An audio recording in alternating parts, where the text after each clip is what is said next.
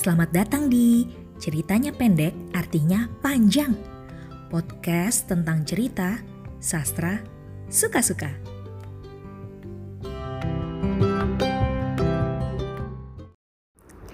Hai, kembali lagi di podcastku Ceritanya Pendek Artinya Panjang.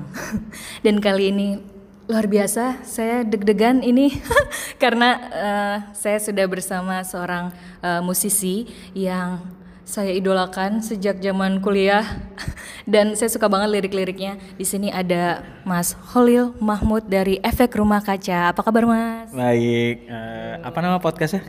Ceritanya pendek artinya panjang. Ceritanya pendek artinya panjang. Halo pendengarnya semua. Oke, dan featuringnya nih uh, karena ini lagi di acara, terus LO-nya kebetulan ada Audra Lasso. Hai, apa kabar? Hai, baik. Agak capek tapi ya semangat. Semangat. uh, seneng banget ini kita bisa ketemu Mas Holil. Kita mau coba tanya-tanya beliau tentang sastra. Kalau misalnya ngelihat dari lirik-liriknya ARK, aku tuh sering kepikiran sebagai karena aku guru bahasa Indonesia ya, kepikiran ini kayaknya Mas Holil dari kecilnya suka pelajaran bahasa juga nggak sih? Enggak. oh, enggak. Enggak, maksudnya eh, pelajaran bahasa Indonesia waktu SMA tuh kayaknya jelek deh. tujuh apa enam gitu. Biasa aja. biasa aja lah, biasa tujuh lah ya. Berarti pelajaran favoritnya apa malah? Dulu matematika. Oh, matematika, ya. Saya lumayan eh, uh, apa ya lumayan suka matematika. Jadi uh, lumayan uh, serius sih waktu SD SMP gitu. SMA masuk IPA pada jago-jago semua matematikanya terus langsung kayak sadar gitu ternyata nggak segitunya juga sama matematika ya udah akhirnya ya begitu masuk kuliah tuh jurusan ekonomi malah. Iya. Ya udah jauh lah, pokoknya udah mulai geser tuh. Tapi memang uh, mulai ngeband dari uh, eh, SMA, eh, SMP sebenarnya SMP. Mulai baca mm-hmm. dari kelas eh, dari umur 4 tahun. Oke, okay. baca yang uh, cerita secara khusus gitu ya, sastra gitu. Uh, umur 4 tahun uh, baca koran karena di rumah langganan koran bacanya koran tapi halaman belakang biasanya olahraga dulu ah, iya, iya. Terus kalau hari minggu ada cerpen ada apa ya macam-macam lah puisi ada apa gitu uh-huh. itu tapi masih kelas-kelas gitu belum baca halaman-halaman depan headline-headline gitu belum masih olahraga sama uh, misalnya kalau hari minggu tuh koran zaman dulu budaya kayak gitu gitu kalau yang sastra buku gitu yang lebih intens membacanya itu sejak kapan uh, eh, SMP ya. SMP, SMP udah mulai. SMP dulu apa tuh bacanya? Uh, eh, SMP baca buku hmm, dari dari dari SD mulai uh, yang standar untuk pelajaran bahasa baca ya. Salah hmm. asuhan, oh, yeah. terus Siti Nurbaya, terus uh, apa lagi ya? Hmm, apa sih? uh, ya gitulah yang yang standar-standar balai pustaka itu uh, rata-rata baca lah ya. Lalu mulai SMP tuh kenal Seno Gumira. Oh. Okay. Seno Gumira cerpen-cerpen, novel uh, melahap itu lalu uh, apa ya? Mulai mulai kuliah itu suka dengan um, Iwan Simatupang Oh. Favorit saya. Merahnya merah. Merahnya merah. Yeah. Ziarah. Ziarah. Keren. Uh, kering. Iya, kering juga. Uh, apa lagi ya? Yang absurd gitu ya, suka ya malah ya. Iya, eksistensialis ya. Uh -uh. Maksudnya mencari uh, uh, apa namanya? dirinya dia gitu. Hmm. Mencari dirinya apa sih sebenarnya uh, kita ini ngapain kayak gitu, -gitu kan eksistensialis. Jadi memang semua bacaan yang dibaca itu sastra itu mempengaruhi dalam penciptaan lagu ya nggak sih? Uh, ada ada pengaruhnya ada pengaruhnya ya nggak hanya sastra tapi kejadian kejadian-kejadian di sekitar dan yang pasti uh, apa yang kita baca apa yang kita tonton apa yang kita dengar sih pasti pengaruh lah ya. kayak kayak kita kalau mau sehat hmm. makanannya juga harus makanan sehat ah, kalau iya, kita iya. mau bikin lagu bagus makanan ya kita dengerinnya harus musik bagus baca bukunya juga harus yang bagus uh, apalagi ya ya itulah pokoknya supply supply-nya harus bagus uh. itu pun belum tentu bisa buat bagus kan Iya, kita supply iya. bagus tapi paling nggak kalau kita terus berlatih lama-lama pasti ya bisa lah gitu karena kita kan misalnya bukan orang yang jenius gitu jadi kita harus berusaha keras untuk bisa bikin sesuatu yang bagus caranya ya dengan supply-nya bagus Iya. buku-buku bagus dengerin musik-musik bagus, nonton film-film bagus baca eh, yang bagus-bagus tulisan-tulisan yang bagus nanti lama-lama kan kita punya eh, kayak terpancing untuk Iya. nyoba gitu Mas Kolil tahu kan kalau di Indonesia tuh sekarang di SMA kita tuh tidak ada buku sastra yang wajib dibaca. Jadi memang benar-benar hanya inisiatif per sekolah gitu atau inisiatif guru gitu ya. Kalau menurut Mas Kolil sebetulnya seberapa penting sih anak sekolah, anak remaja mulai berkenalan dengan sastra? sangat penting ya Iya. sangat penting jadi saya belum lama ini eh, tinggal hampir 5 sampai 6 tahun di di New York Eh, anak saya ikut sistem pendidikan di sana. Mungkin banyak juga sekolah international school di sini yang sama lah ya kira-kira. Tapi ketika anak saya mulai belajar kelas 1 SD aja udah harus baca buku-buku yang ya Dr. Seuss itu TK selesai ya.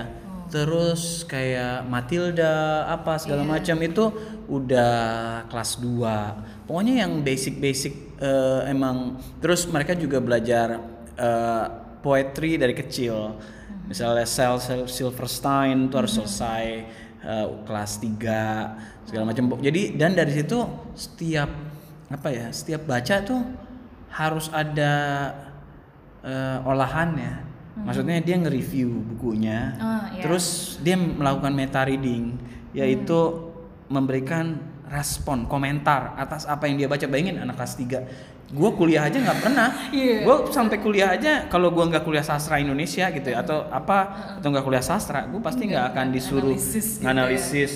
Eh, bagaimana eh, buku ini kalau kalau review oke lah ya buku ini ngapain cerita tentang ini. Terus kita nggak komentar biasanya kan ya udah Iya, kayak gitu aja. rangkuman rangkuman aja. aja, gitu.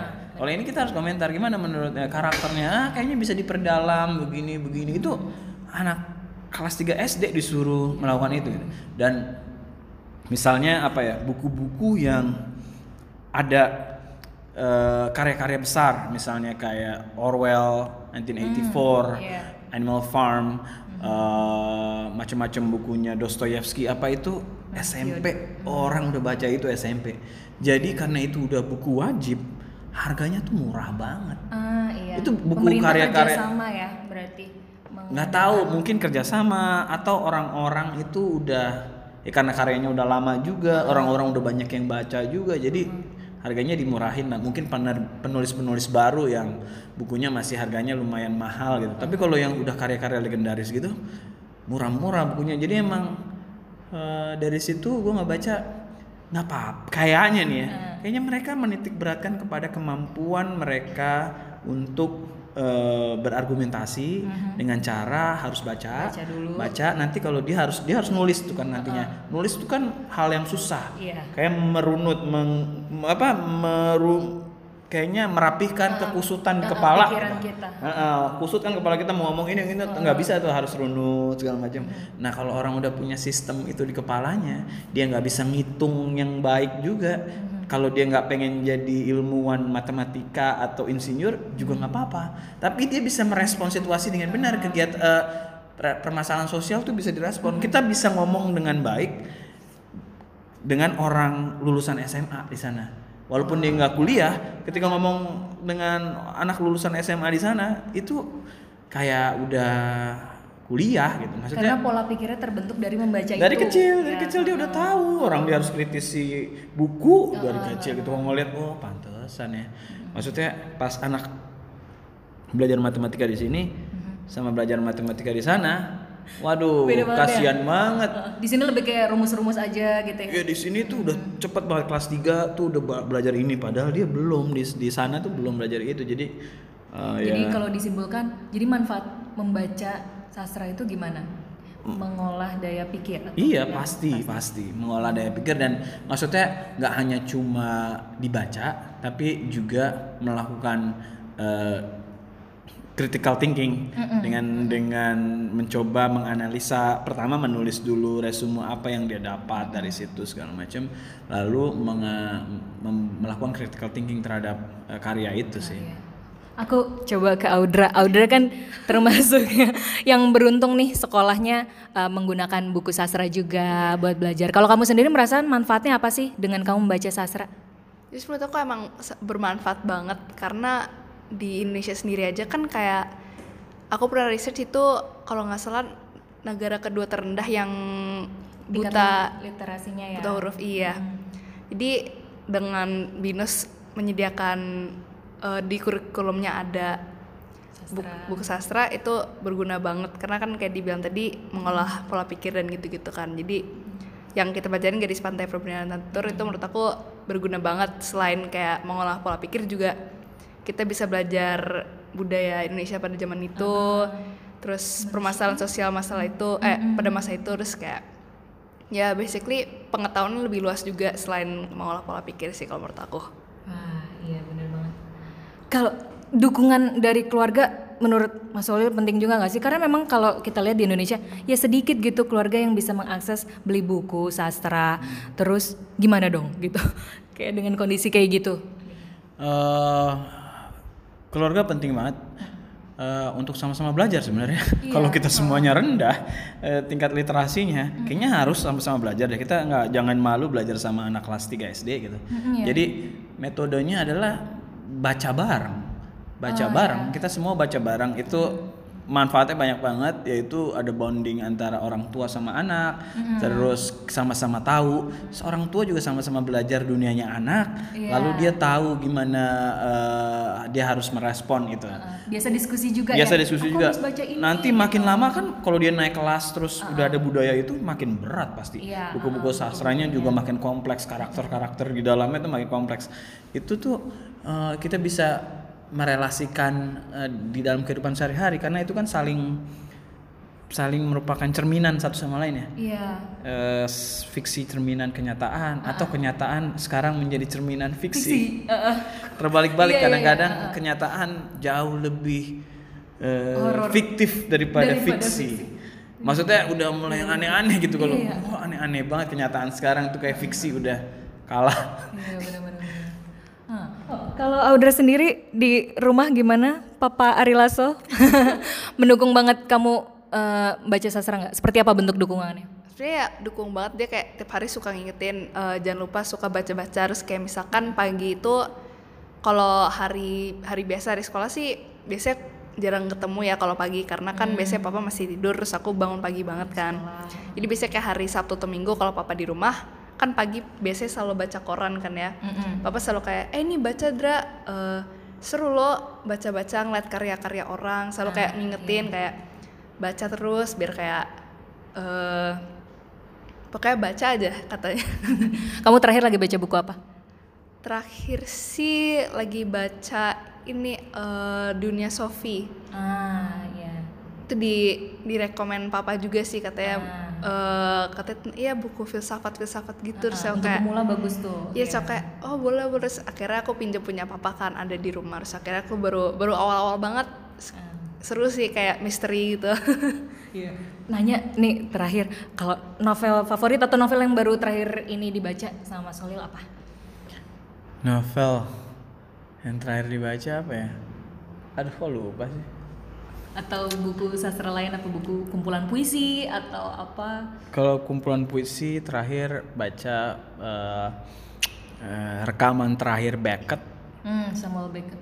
Uh, yang buat orang Indonesia namanya Ari Pahala Huta Barat. Oh. Jadi dia orang Lampung literatur. Uh-huh. Uh, kayaknya dia uh, pegiat sastra dari Lampung dan kayaknya di Lampung itu ada oase yang bagus gitu soal sastra. teater, sastra dan puisi ya mereka banyak menerbitkan buku-buku puisi yang baru dan uh, penulis-penulis yang muda dan yang lumayan tua Pak Ari Pahala Huta Barat ini lumayan sebenarnya nggak muda tapi dia kayak uh, apa mentornya di situ uh, dan iya. bukunya dia rekaman terakhir Beckett saya suka banget hmm. lalu kalau yang novel yang agak novel yang berkesan banyak sebenarnya kayak um, ya kayak tadi ya si Iwan Simatupang, Seno, terus si kalau luar negeri Hmm, my name is my name is Asar Lev.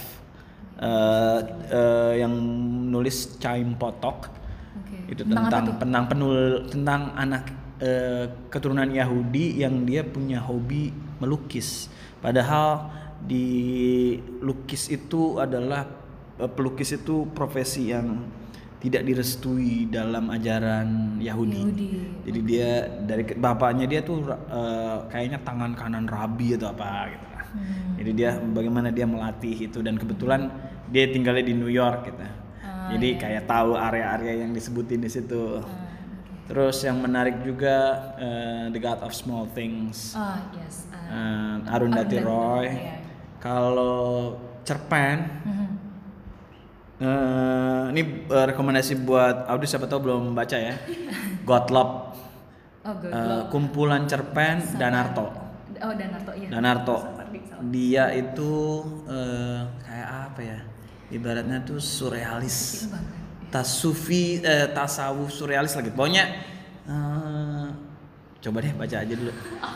Kum cerpen namanya Godlop. Nah, di dalamnya tuh banyak cerita-cerita yang paling berkesan yang mana? Kayak nanti bisa buat aku bacain deh. Apa ya? Kecubung pengasihan kali ya? Kecubung pengasihan. Okay. Ya, kayak kecubung pengasihan yang yang dia makan bunga-bunga, dia masuk ke taman, terus dia makan bunga-bunga, terus dia hamil.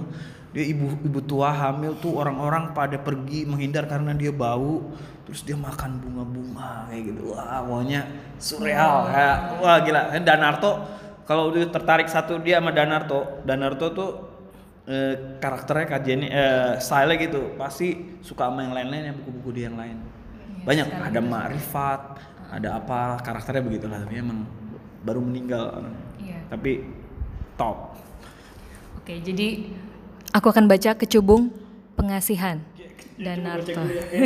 inget gue kecubung pengasihan itu uh, nama judul ininya dia. Oke, okay, nanti dicari dulu. Pokoknya kira-kira itu deh ya. Oke. Okay. Uh, Oke, sudah cukup nanti mengganggu ini kalau kelamaan.